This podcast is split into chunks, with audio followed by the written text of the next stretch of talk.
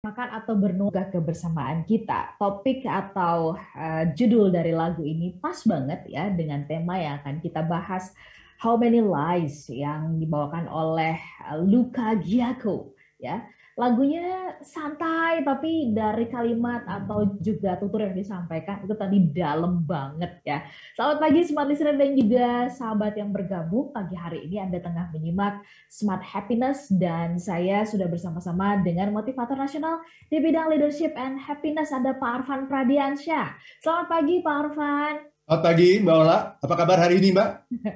Lagi menghitung kira-kira berapa banyak ya bohongnya ya. pagi ini udah berapa banyak nih bohongnya? Iya. pagi ini belum sih Pak Arfan. Oke, okay. nah judul judul lagu dan dan topik kita pas banget ya How Many Lies dan uh, bicara tentang kebohongan. Kemarin saya sempat tanya kepada Pak Arfan ini kebohongannya mengarah ke apa ya? Ternyata the whole our life ya Pak Arfan ya. Betul Betul, tentang kebohongan ya. Baik, sebelum kita masuk ke pembahasan topik kita, mungkin dari lagunya, karena dari liriknya aja itu tadi santai sih gitu ya, bawainnya iramanya bosas gitu sih gitu ya. Tapi dalam liriknya, silakan di bagian mana ya. yang Pak Arfan ingin highlight dulu. Betul sekali Mbak Ola ya. Jadi ini lagu dari Luca Giaco, judulnya How Many Lies. Jadi kita diajak untuk menghitung nih berapa banyak kebohongan yang kita buat gitu, Mbak Ola ya. Dan uh, lagunya saya suka banget, terutama hmm. iramanya, karena saya adalah salah satu penggemar musik bossa nova. Dan saya kira saya bahkan okay. terakhir kali mikir-mikir, saya sebetulnya lebih suka bossa nova daripada jazz gitu. Hmm. Oke. Okay. ya.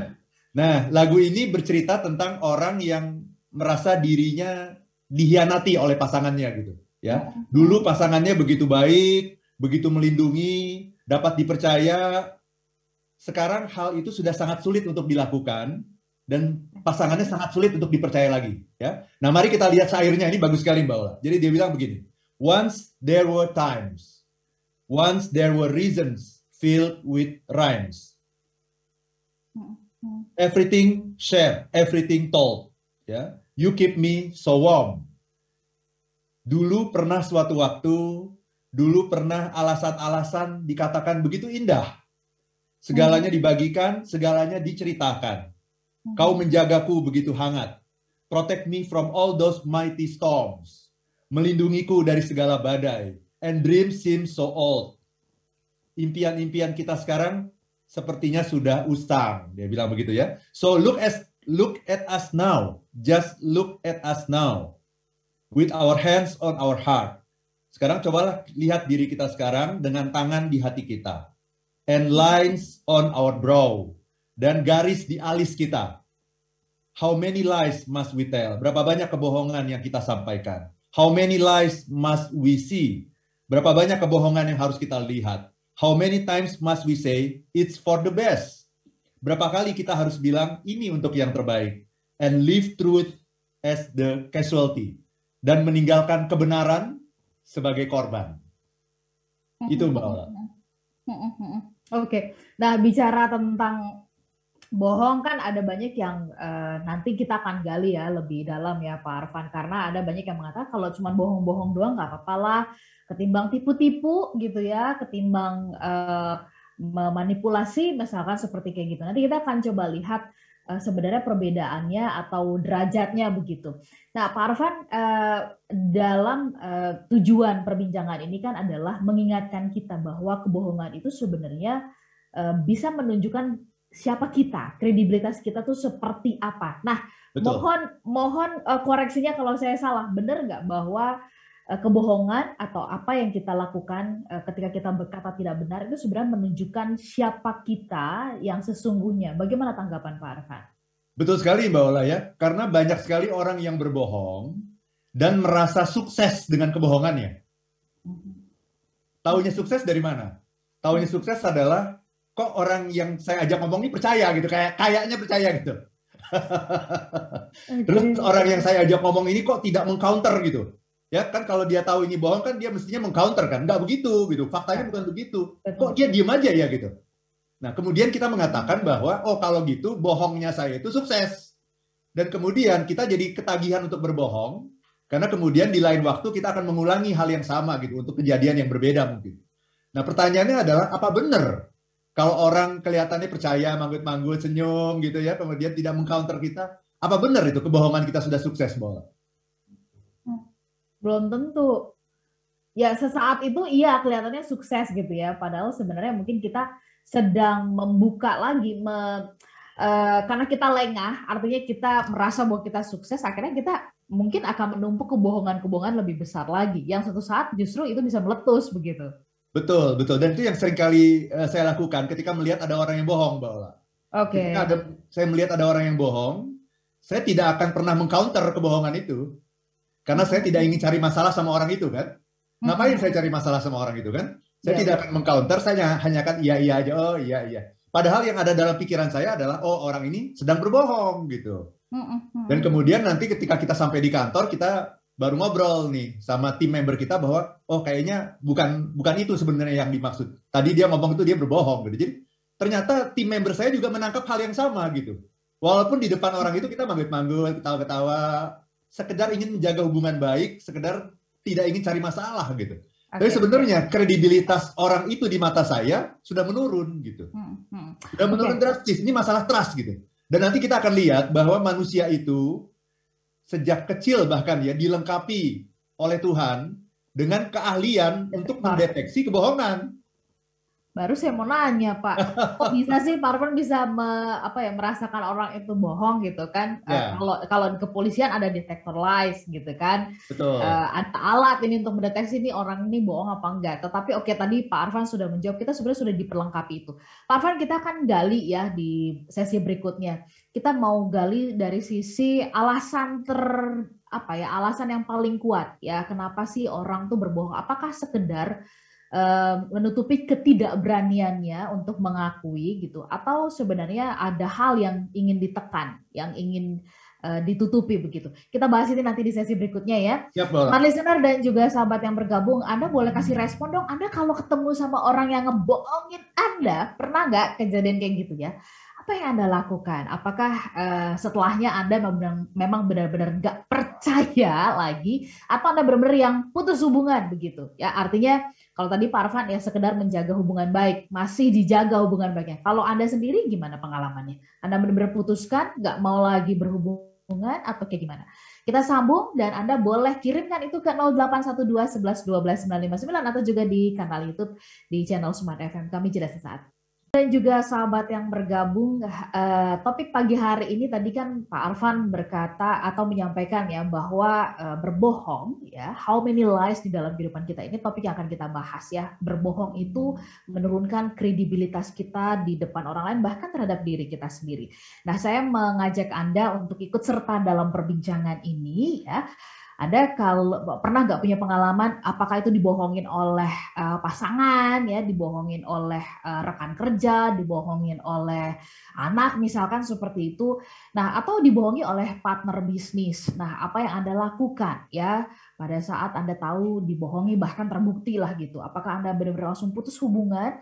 Anda kasih kesempatan lagi atau seperti apa? Silakan Anda boleh share ke 0812 11 12 959 dan juga di YouTube di kanal Smart FM. Kalau Anda nggak mau sebutin siapa orangnya juga nggak apa-apa kok. Ini sedikit ceritanya aja gitu ya. Kita juga nggak pengen publikasiin cerita Anda juga yang yang. Uh, nah, saya mau menyapa Anda dulu. Izin ya Pak Arfan ya, saya mau menyapa ada smart listener yang ada di Makassar dan juga Manado. Selamat pagi. Kemudian ada yang di Banjarmasin dan juga Balikpapan. Saya ingin menjumpai juga Anda yang ada di Palembang, Pekanbaru dan juga Medan. Tetap semangat. Kemudian di Surabaya, Yogyakarta, Jakarta, Depok, Tangerang, Bekasi, Bogor dan kota-kota di sekitarnya. Kita sambung uh, bahasan kita di kesempatan pagi hari ini. How many lies ya? Kalau tadi Pak Arfan bilang, uh, ya saya merenung juga gitu, semalaman gitu. How many lies? Kayaknya banyak banget ya gitu. Waduh gitu ya. Nah tapi uh, bicara tentang uh, kebohongan ini gitu, berhitung tentang apa yang uh, ya artinya berhitung soal kebohongan gitu.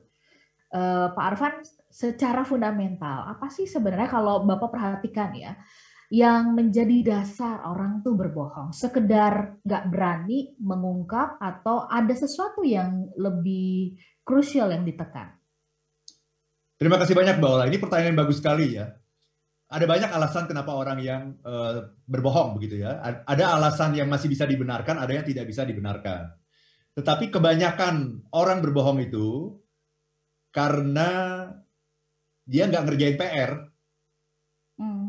karena dia punya banyak kesalahan, dan dia tidak mau kelihatan jelek gitu. Karena ada banyak juga orang yang nggak ngerjain PR, orang yang punya banyak kesalahan, tapi mau bertanggung jawab. Dia tidak perlu berbohong. Dia mengakui saja, oh ya, maaf, uh, saya tidak menunaikan janji saya. Nah, itu kan selesai. Saya akan perbaiki perilaku saya di masa yang akan datang. Maaf, saya memang nggak ngerjain PR. Nih kalau anak sekolah nih ya, saya memang nggak ngerjain PR, saya memang nggak belajar. Saya minta maaf gitu. Kan selesai. Kan tidak harus berbohong kan? Jadi tidak semua orang yang bersalah itu berbohong. Jadi dasarnya kenapa orang itu berbohong, Mbak Ola? Karena dia bersalah. Karena kalau dia tidak bersalah, dia tidak perlu berbohong. Karena orang yang melakukan hal yang bagus justru ingin diketahui orang. Orang yang melakukan hal yang benar justru ingin dalam tanda petik ingin pamer gitu. Ini saya melakukan hal yang benar nih. Nah, saya bohong kenapa? Karena saya melakukan hal yang salah gitu. Nah, tetapi tidak semua orang yang melakukan hal yang salah bohong. Hmm, hmm. Orang yang bohong itu adalah orang yang melakukan hal yang salah tapi ingin kelihatan benar. Orang yang melakukan kelalaian, ketidakbaikan tapi ingin dilihat baik gitu. Jadi sebetulnya do double kesalahan gitu. Dosanya double. Udah salah, kemudian tetap ingin dilihat baik dan tidak mau bertanggung jawab terhadap apa yang sudah dia lakukan. Itu Mbak Ola. Hmm, Oke, berarti uh, tadi kan Pak Arfan mengatakan gitu ya, ada banyak uh, eh, PR yang nggak dilakukan, terus dasarnya dia bersalah dan dia ingin tetap kelihatan baik. Nah, apakah ini memang juga uh, berlaku di dalam semua kasus ya? Bagaimana kalau misalkan kasus ini terkait uh, misalnya dengan pasangan ya berbohong ya nggak ada apa-apa kok nggak ada hubungan apa-apa gitu dengan ya. sekretaris saya misalnya seperti itu ya. Itu apakah dia karena tidak melakukan banyak PR PR di sini apakah termasuk dia menjaga kesetiaan? Itu termasuk PR juga ya Pak Arfan? Betul betul sekali ya. Suami-suami yang berbohong itu adalah karena dia melakukan banyak sekali kesalahan gitu. Hmm, hmm, hmm. kalau dia tidak melakukan kesalahan kan nggak ada yang perlu ditutupi kan Iya, iya, betul, Jadi, betul. Kalau orang ingin tidak berbohong, caranya gimana? Ya jangan lakukan kesalahan. Jangan lakukan kesalahan. Pak, selama bagaimana kita melakukan kesalahan, selama itu juga kita akan terus berbohong, pasti. Akan terus berbohong. Ya. Pak, bagaimana tanggapan Bapak uh, dengan kalimat yang mengatakan gini, ya kalau nggak ketahuan itu namanya belum bohong lah. Kalau udah ketahuan tuh baru disebut bohong. Nah, Gimana, juga, ini juga kan saya bilang tadi kita menganggap sukses ketika kita belum ketahuan. Padahal banyak sekali saya saya mengalami ya ketika saya berada di posisi korban ya, Mbak Ola ya. Ketika saya berada di posisi korban, apakah saya menotis apa e, menunjukkan kepada dia bahwa eh kamu bohongin saya nih ya? Enggak, Mbak Ola. Saya tidak pernah melakukan itu. Alasannya kenapa? Karena pertama saya tidak ingin mempermalukan orang itu. Ya kan? Kalau ada orang hmm. bohong di depan kita, terus kita buktikan bahwa dia bohong, kan dia malu. Kalau dia malu, akhirnya kan hubungan rusak. Kalau hmm. hubungan rusak, kan saya juga yang rugi gitu. Nah, saya tidak ingin mengambil resiko itu. Udah saya dibohongin, saya rugi juga gitu. Nah itu, jadi uh, ketika Anda berbohong, kemudian orang yang ada di depan Anda itu kayaknya baik-baik saja, biasa-biasa saja, malah tersenyum, menunjukkan kehangatan, bukan berarti dia percaya sama Anda. Dia nggak ingin cari masalah sama Anda. Nah, pertanyaannya juga adalah, apakah kalau orang yang dibohongi itu pasti akan memutuskan hubungan? Belum tentu. Oke. Okay. Kita akan lihat, kita akan kalkulasi, masih ada gunanya nggak saya berhubungan sama orang ini? Iya, iya, iya. Kalau masih ada gunanya, ya saya akan terus berbaik-baik sama dia. Hmm. Mau dia bohong berapa kali pun saya akan terus berbaik-baik sama dia. Kalau dia masih ada manfaatnya. Masih ada masih ada gunanya, masih ada manfaatnya dalam hubungan ini, hubungan apa pun ya, hubungan iya. bisnis, ya. hubungan keluarga, hubungan percintaan, hubungan apa pun. Tetapi kalau kalau orang melihat ah kayaknya ini udah nggak ada manfaatnya yang bisa didapatkan dari hubungan ini dan saya dibohongi terus, nah itu orang baru memutuskan hubungan.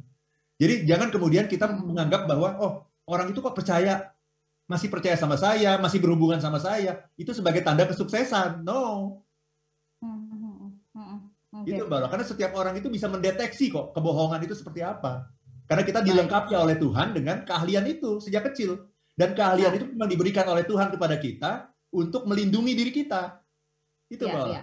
Baik, Pak Arfan, eh, keahlian ini eh, keahlian untuk mendeteksi kebohongan itu itu itu letaknya di mana sih? Di feeling okay. ya, di sense, di pikiran begitu atau di apa begitu, Pak Arfan? Very good question. Ini bagus sekali ya. Saya belajar dari seorang psikolog perkembangan, psikologi perkembangan itu namanya Erik Erikson.